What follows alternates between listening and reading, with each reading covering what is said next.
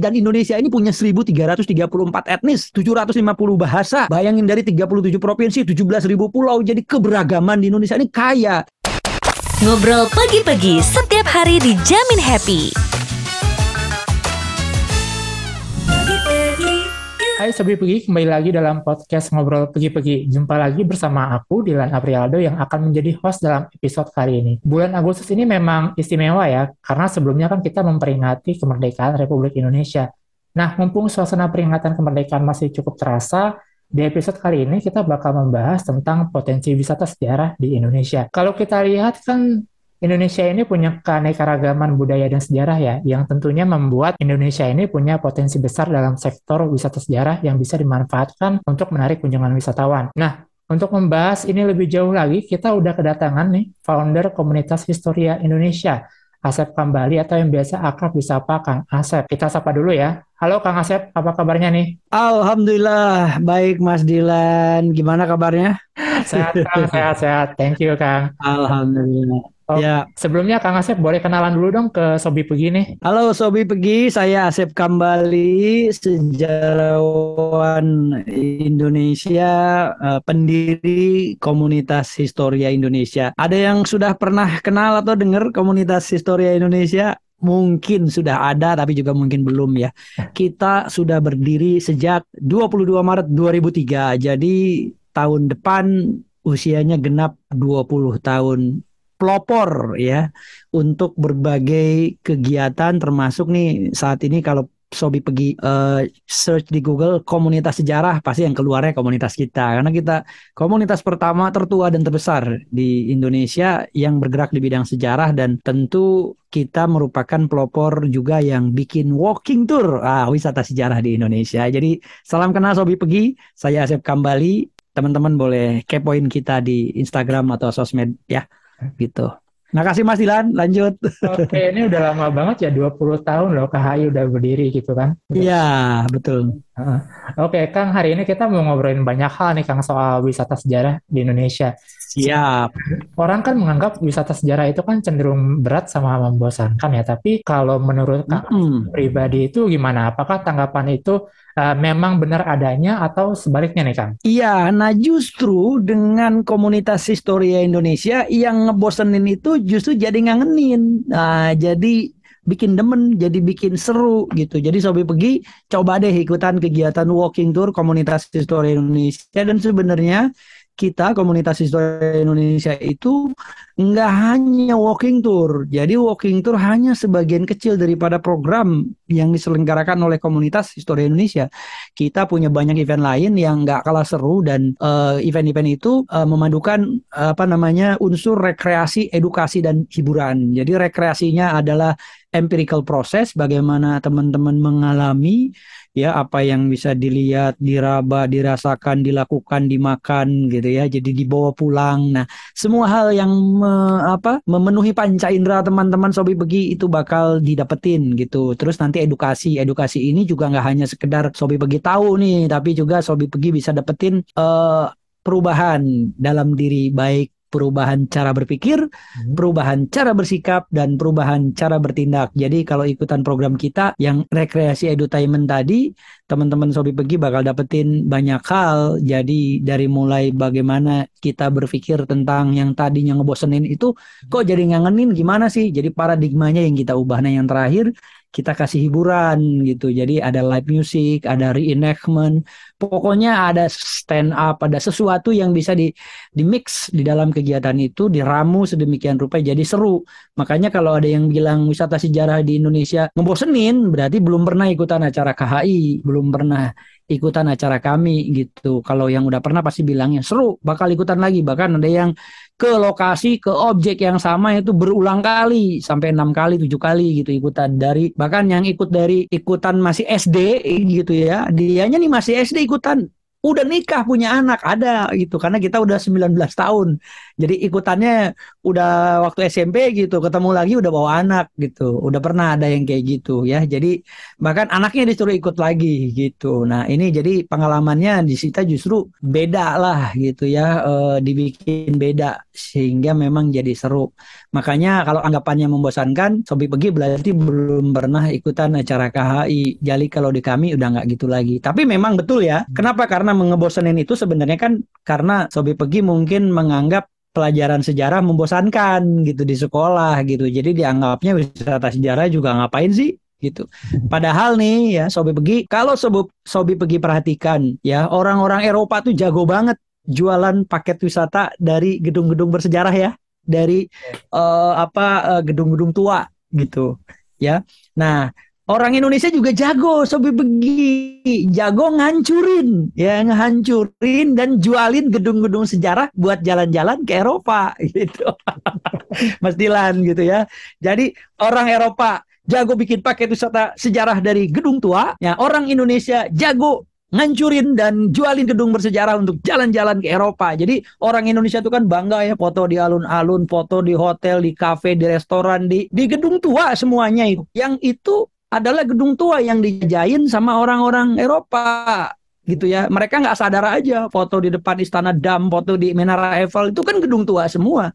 Nah kalau di kita dijualin, nah saya yang saya bingung nih, apa yang mau kita jual kalau kita hancurin gedung tuanya gitu loh. Makanya kami komunitas Historia sejak hampir 22 tahun gerakan kita ya. Hmm di uh, wisata sejarah ini kita sampaikan gitu ke teman-teman kalau kita jualin hancurin gedung tua apa yang mau kita tawarin ke turis yang mau kita jual ya? Mall dan gedung tua itu itu yang mau kita jual gitu ya. Di luar negeri juga mall banyak malah lebih keren. Mall yang paling lebih jauh dari itu cara berpikir kita nih. Yang ini juga saya propagandakan dalam setiap kegiatan. Apa gedung tua itu yang akan kita wariskan untuk generasi di masa depan? Eh apakah mall dan ruko yang kita bangun ya kan untuk uh, kita wariskan ke generasi muda di masa mendatang ya kan? Jadi ngapain bangunin mall? Bangunin ngancurin gedung tua bangunin mall bangunin ruko gitu. Jadi mendingan gedung tua kita lestarikan lain saja ya. Yang gedung tua mah kita jaga gitu.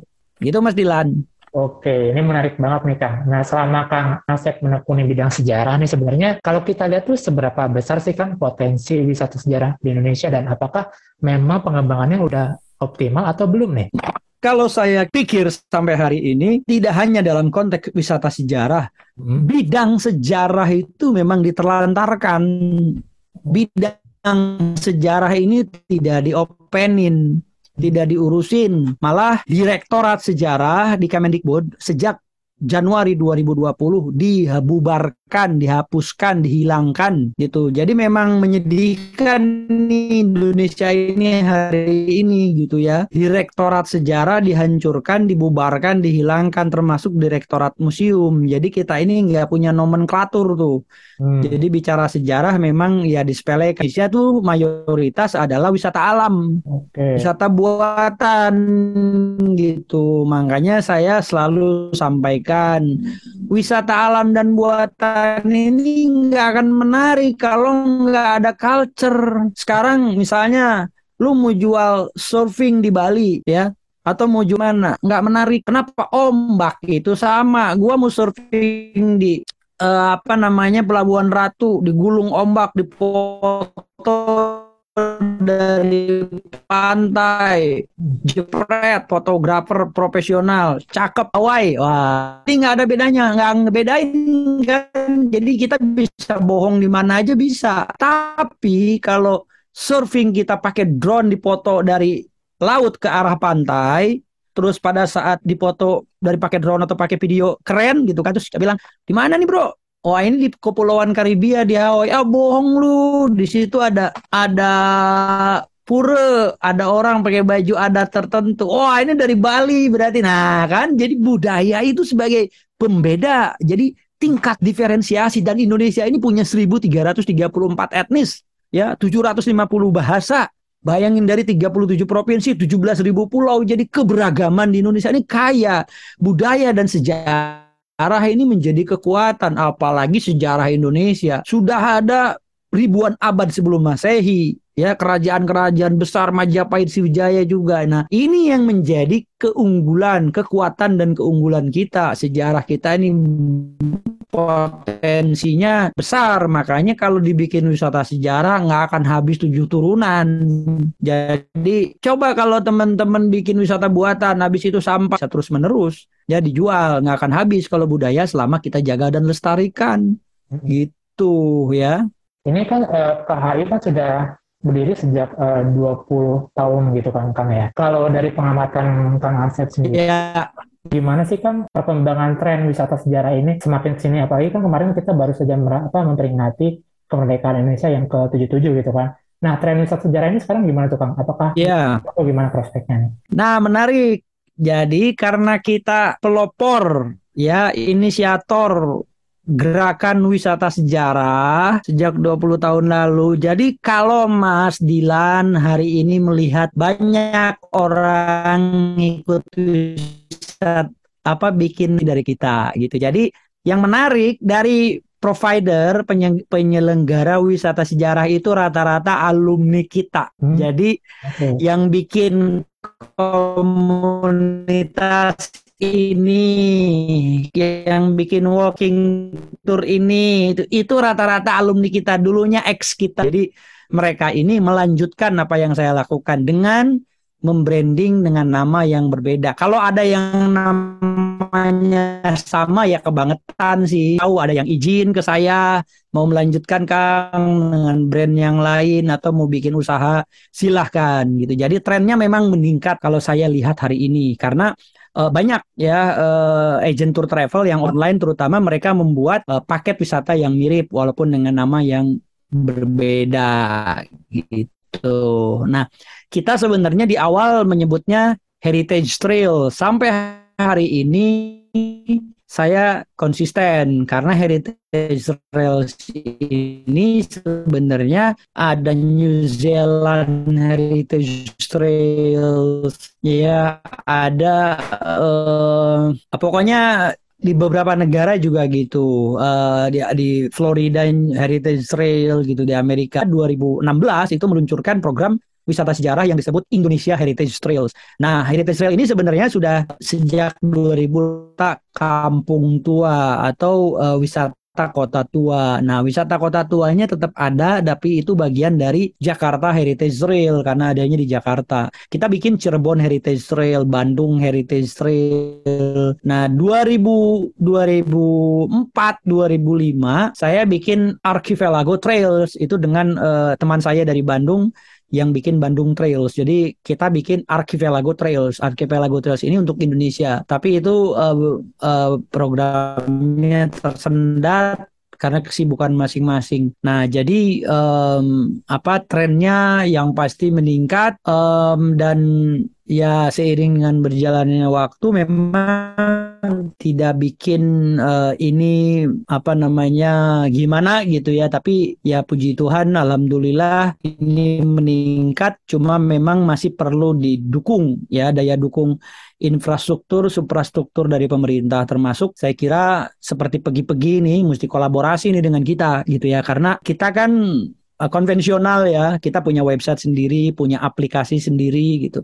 Tapi kan kalau sendiri ya nggak akan bisa optimal ya maka kita harus kolaborasi gitu. Jadi saya sering juga kolaborasi dengan museum dengan uh, objek wisata dengan brand dengan uh, provider ya dengan agent to travel travel gitu. Jadi kita collabs gitu ya termasuk dengan uh, transportasi online dengan uh, macam-macam lah gitu. Saya kira dengan pergi-pergi juga kita mesti kerjasama nih gitu ya uh, untuk ngedesain untuk ngejualin uh, paket paket wisata sejarah ini karena Indonesia sangat kaya gitu. Jadi kita nggak nggak mungkin kehabisan ide ya kalau kita paham betul sejarah dan budaya. Oke, ini menarik nih Kang. Uh, Kang Asep mengatakan kita butuh semacam daya dukung gitu ya dari berbagai macam pihak gitu baik pemerintah ya. maupun swasta. Tadi uh, ada yang poin menarik kalau dari pemerintah itu daya dukung yang seperti apa tuh Kang yang yang diharapkan oleh Kang Asep? Yang pasti penguatan kebijakan atau regulasi ini juga harus mendukung optimalisasi peran-peran daripada uh, komunitas atau uh, provider ya yang menyelenggarakan wisata sejarah ini. Nah, kemudian juga uh, objek wisata destinasinya juga perlu dikembangkan, ditingkatkan, dibangun. Uh, SDM juga di destinasi juga perlu ditingkatkan, diarahkan gitu supaya nggak ada misalnya ya yang jualan tapi maksa ya eh, pemandu yang eh, kurang cakap berbahasa asing dan seterusnya. Jadi memang mesti dibangun lagi. Jadi pemerintah mesti lebih giat lagi gitu ya karena ini kan masuk ke kategori eh, ekonomi kreatif juga gitu ya. Oh. Souvenir yang lebih keren dan seterusnya. Jadi memang peran pemerintah, saya tahu pemerintah nggak bisa jalan sendiri. Kita mesti sama-sama berkolaborasi. Jadi komunitas yang bergerak di bidang kerajinan mainan, souvenir ya bisa diarahkan gitu untuk mensupport uh, seperti ini gitu ya wisata seperti ini supaya nanti oh wisata ke museum kok nggak ada nggak ada tempelan kulkas ya. Padahal kan keren gitu kan. Ya sesimpel itu masa sih gitu. Nah kreatif industri kreatif mesti dilibatkan kami gitu. Seperti itu mas. Jadi memang uh, arah kebijakan dan lain sebagainya ini memang tidak terlepas dari peran pemerintah gitu.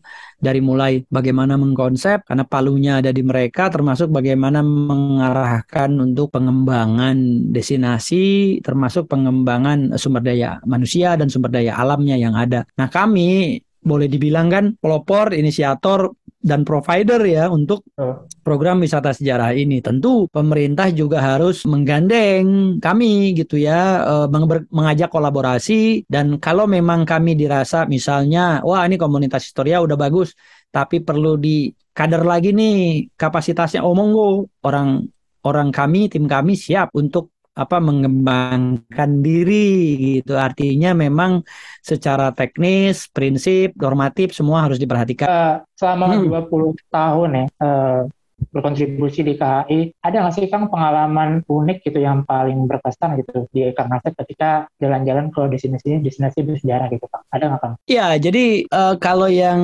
unik itu pengalamannya ada perbedaan ya, perubahan gitu. Dari mulai yang tadinya tempatnya berumput, tidak terawat, sekarang udah rapi, cantik, dijadikan uh, destinasi prewedding buat acara wedding gitu. Saya seneng gitu dulu ini masih kumuh setelah kita jadikan objek wisata dibangun gitu. Itu kita seneng. Terus uh, ada yang ikut masih SD datang udah berdua gitu ya udah sama suaminya. Kang tahu Kang nih nggak? Ini gara-gara ikutan acara KHI katanya. Kami ketemu jadi suami istri deh gitu. Jadi pokoknya banyak keseruannya sih gitu daripada mereka yang ikut acara kita ini gitu ya. Uh, termasuk pengalaman-pengalaman ke destinasi. Dari dulu museum nggak ada AC-nya, sekarang udah museumnya ber-AC gitu. Jadi banyak juga yang bilang, wah kota tua ini gara-gara KHI ini dulu uh, kayak rumah hantu, serem, banyak copet apa gitu. Sekarang udah kota tua rame, malah makin cantik dibenerin. Gitu. Jadi jujur aja, yang membuat pertama kali wisata kota tua itu saya.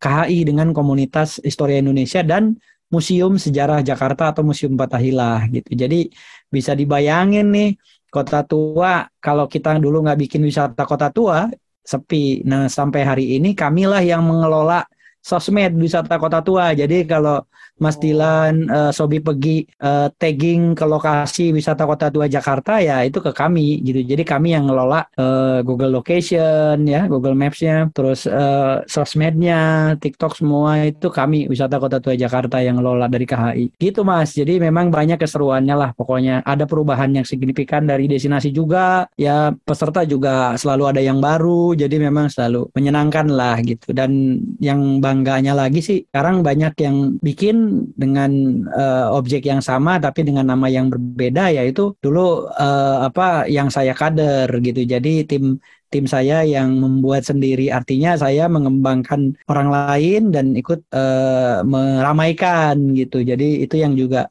dan banyak di antara mereka juga yang tidak melupakan saya gitu. Jadi masih menegur dan bahkan masih mengajak kolaborasi. Itu sih yang saya senang. Oke, dari kacamata Kang Asep sendiri nih, apa aja nih Kang uh, tips atau hal menarik yang bisa kita lakuin gitu kan sebagai wisatawan supaya kegiatan wisata sejarah yang kita lakukan itu menjadi bermakna tapi sekaligus tetap mengasihkan gitu. Apa aja nih Kang? Ya ini yang nggak akan dimiliki oleh uh, provider lain. Jadi IO atau agent tour travel lain. Dengan kami itu wisata sejarah itu bukan hanya sekedar kamu tahu gedung ini dibangun tahun sekian oleh siapa. Nggak penting ya. Jadi wisata sejarah itu cuma bukan cuma memberikan informasi ya. Jadi informasi itu hanya cangkang, informasi itu hanya sebagian kecil. Justru yang harus dilakukan oleh kita adalah memberi makna dan memberi nilai. Nah, kadang ini yang nggak dapat nih dilakukan oleh provider lain, apalagi bukan oleh saya gitu. Tim saya sendiri kadang-kadang masih perlu saya latih ya untuk bisa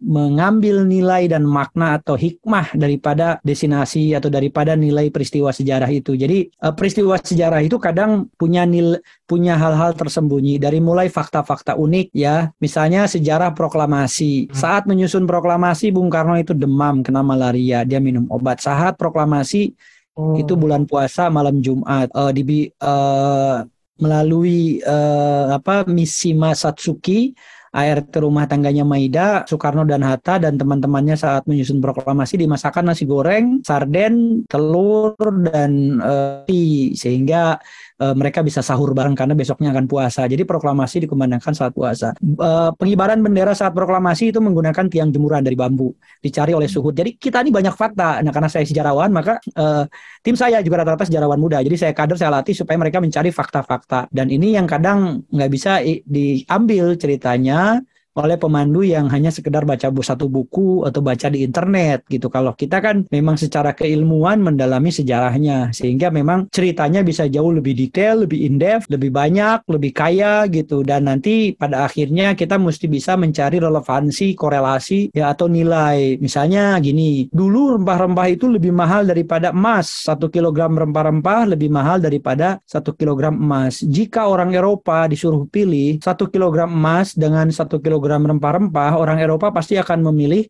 satu kilogram rempah-rempah. Kenapa dia nggak pilih emas? Karena emas waktu itu hanya jadi uh, aksesoris, tetapi rempah-rempah itu berhubungan dengan hidup dan mati. Itu makanya itu diperjuangkan dengan darah dan air mata oleh mereka dengan nyawanya dipertaruhkan. Makanya mereka berperang demi mencari rempah-rempah. Nah, pertanyaan saya hari ini kepada generasi muda yang sekarang ikut saya, kenapa rempah-rempah hanya jadi bumbu dapur? Nggak diperebutkan, nggak diperangi lagi. Wah, pada nggak bisa jawab. Nah, ini yang kita bangun bagaimana kita bisa menghubungkan antara masa lalu, masa kini, dan masa yang akan datang. Nilai ini yang diambil, ini yang diangkat gitu. Jadi ini yang kita lakukan. Maka kalau ingin uh, wisata sejarah menjadi lebih uh, bermakna dan asyik, memang yang bikinnya harus yang punya kapasitas, yang bawainnya harus punya kapasitas, harus punya kompetensi, nggak hanya sekedar pemandu ya yang berlisensi, tetapi juga dia punya kompetensi yang mumpuni di bidangnya sehingga bisa mengambil nilai dan harus menjadi public speaker ya. Nggak hanya sekedar bisa cerita tapi nyontek dari Google gitu. Tapi justru dia harus bisa bercerita gitu ya yang ceritanya itu komprehensif. Karena karena pada saat Belanda berperang di Banda tahun 1621 di Belanda terjadi apa di Kalimantan ada apa di Batavia ya terjadi peristiwa apa itu bisa saling dihubungkan. Jadi nggak bisa bicara satu versi. Kalian mesti baca berbagai macam buku, berbagai macam referensi gitu. Jadi inilah tantangan terberat sebenarnya ya bagi uh, apa namanya provider. Makanya agent tour travel daripada capek-capek belajar sejarah atau meminta pemandunya untuk memperdalam sejarah mendingan kolaborasi sama kita ya.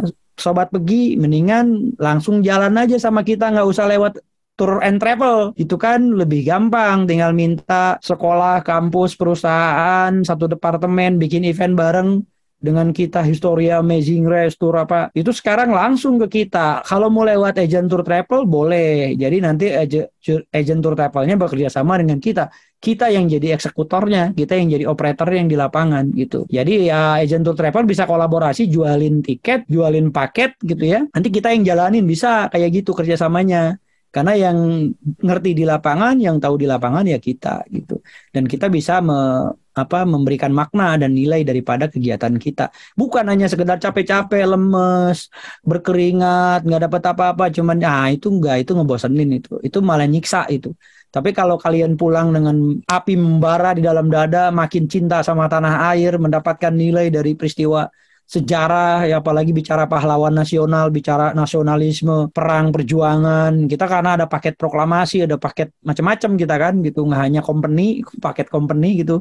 Wisata gedung tua tapi wisata perjuangan sejarah perjuangan juga ada di kita gitu. Dan itu yang bikin nasion nasionalisme kalian jadi mendidih gitu sobat pergi oke menarik banget nih. Terakhir nih Kang Asep, apa hmm. sih harapan dari Kang Asep ke depannya terkait dengan pengembangan pariwisata sejarah di Indonesia, Kang? Ya, saya sih berharap orang-orang Indonesia menggandrungi, mengagumi sejarah ini seperti dulu tujuan uh, komunitas historia Indonesia didirikan. Kami ingin uh, anak-anak Indonesia, generasi mudanya me menggandrungi sejarah, menyukai sejarah gitu. Jadi mereka uh, menyenangi sejarah gitu. Nah, tapi 2006 visi itu berubah. Kalau udah pada gandrung, pada udah pada suka sama sejarah apa? Nah, jadi kami rubah tuh, eh, kami ubah visinya membangun nasionalisme Indonesia. Saya yakin dengan makin cinta sama sejarah, makin memahami sejarah, kita akan makin cinta sama Indonesia gitu.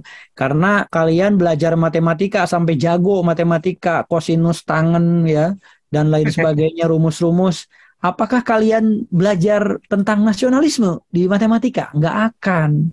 Nasionalisme itu diajarkan melalui sejarah, melalui budaya gitu. Nah, makanya eh, apa Sobi pergi jadi kalian mesti ikut kegiatan kita, harus berkolaborasi dengan kita gitu ya. Jadi ke depan wisata sejarah Indonesia makin ramai ya orang Eropa aja jago tuh mereka bikin wisata sejarah kita juga harus lebih jago ya. Jadi ke Eropa boleh, tapi kita harus jadi harus jadi orang Indonesia yang bangga jadi turis di negeri sendiri gitu. Benar banget. Pokoknya jangan sampai kalah ya sama negeri-negeri di luar sana ya. Karena Betul. kita punya banyak potensi warisan hmm. budaya dan juga sejarah gitu kan ya Kang ya. Betul. Gitu. Oke Kang, ada nggak sih Kang pesan yang ingin Kang Asep sampaikan kepada para travelers gitu dan khususnya Sobi Pergi terkait topik kita hari ini Kang? Iya, jadi pesan saya tadi menegaskan teman-teman Sobi Pergi kalian harus menjadi orang Indonesia yang bangga dengan sejarah dan bangga dengan budayanya gitu. Jadilah turis di negeri sendiri, jadilah orang Indonesia yang mengeksplorasi sejarah dan budayanya sendiri. Jangan jauh-jauh foto di museum uh, Louvre, foto di museum Tropen, ke luar negeri ke mana ke Amerika gitu ya. Tapi bangga juga dengan museum di Indonesia. Ada salah satu influencer ya yang uh, kuliah di Jepang, terus kaget loh, museumnya keren banget ya waktu saya dulu uh, kapan kamu ke sini gitu kan yang paling itu yang ada di kepala kalian di kepala kamu yang mikirnya museum itu katro di Indonesia itu museum Indonesia itu udah keren-keren udah canggih gitu Benar banget. kalian aja paradigmanya mikirnya museum di Indonesia uh, menyeramkan, membosankan, uh, suram, uh, sumpek, bau, kumuh gitu kan. Enggak, museum di Indonesia udah keren-keren. Ya percaya deh, coba kalian kunjungi museum-museum di bawah Kementerian Pendidikan dan Kebudayaan udah keren-keren, udah dingin, udah teknologi semua, sensor ya, gitu. Udah ada uh, digitalnya juga gitu. Di museum-museum di bawah Pemprov di seluruh apa provinsi di Indonesia juga udah mulai. Kota besar Surabaya, Jakarta, Semarang, Medan, itu udah bagus-bagus gitu. Jadi kalian mesti lihat, mesti kunjungi Makassar juga ya. Jadi jangan sampai sobi pergi termakan hoax termakan paradigma yang kuno ya kan katanya udah digital native, udah generasi kekinian, pikirannya juga harus diupdate ya, jangan cuma jago scrolling doang gitu ya. Jadi scrolling tapi ke yang positif lah gitu. Jangan ngisi otak dengan isi yang kotor-kotor, isi yang jorok-jorok, isi yang negatif, tapi isi otak kita dengan ilmu pengetahuan, dengan konten-konten yang inspiratif gitu. Jadi yang memilah konten ya jari kita sendiri. Kalau yang enggak ini misalnya nih ya, sorry negatif nih kontennya eh, hoax atau kontennya penipuan atau kontennya bohong atau kontennya menjerumuskan atau kontennya pokoknya negatif skip aja. Kalau nge-report ya skip apa negatif atau tidak ada di tangan kita gitu. Jadi kita yang pilih. Kalau kita bayangin aja nih sobi pergi ya kalau kalian aksesnya yang negatif negatif di masa depan kalian pasti bakal jadi orang negatif ya. Tapi kalau kalian aksesnya konsumsi makanannya ya atau apa pun konsumsi digitalnya yang positif-positif, wah kalian di masa depan akan positif. Kalau keren yang diakses, kalian akan terbawa keren. Coba kalian sobi pergi gaul sama orang yang negatif, berteman dengan orang negatif, pasti ke bawah negatif ya. Jadi sobi pergi digital walaupun jarak jauh tapi berteman secara digital juga dengan orang yang keren, kalian pasti akan terbawa keren. Makanya tonton konten yang keren-keren aja. Tonton konten dari komunitas Historia Indonesia atau KHI, tonton konten dari pergi-pergi gitu sampai pergi. Wih, oke deh. Terima kasih banyak Kang Asep udah ngobrol sama-sama podcast kali ini. Dari obrolan Kang Asep kita jadi tahu nih kalau wisata sejarah itu nggak berat dan membosankan kok. Enggak. ada banyak variasi aktivitas wisata yang bisa kita lakuin gitu kan untuk Betul. mengenal sejarah bangsa sendiri nih. Karena Betul. sejarah kan nggak melulu bisa dipelajari dengan serius tapi bisa lebih menyenangkan di mana salah satunya lewat wisata gitu kan. Seperti kata Kang Asep mempelajari sejarah sebenarnya bisa memberikan pengetahuan yang memang sangat penting bagi seseorang. Dengan belajar sejarah kita juga nggak hanya mempelajari masa lalu tapi juga masa depan. Karena landasan masa depan adalah apa yang telah terjadi di masa lalu Betul. Itu nih Kak, Mas Dilan, wah udah pantas hmm. jadi sejarawan. Aduh, oke deh. Oke, Kang, makasih banyak ya Kang untuk kesempatan hari ini. Sama-sama. Oke, aku Dilan dan Kang Asep pamit. Sampai jumpa di episode selanjutnya. Ya. Sampai ya. jumpa, Sobi Pergi. Sehat, Bye. sukses selalu. Jangan lupa download aplikasi Pegi-Pegi di App Store dan Play Store. Dan follow sosial media Pegi-Pegi di Instagram, at Pegi underscore Pegi, Facebook, serta Twitter, at Pegi-Pegi.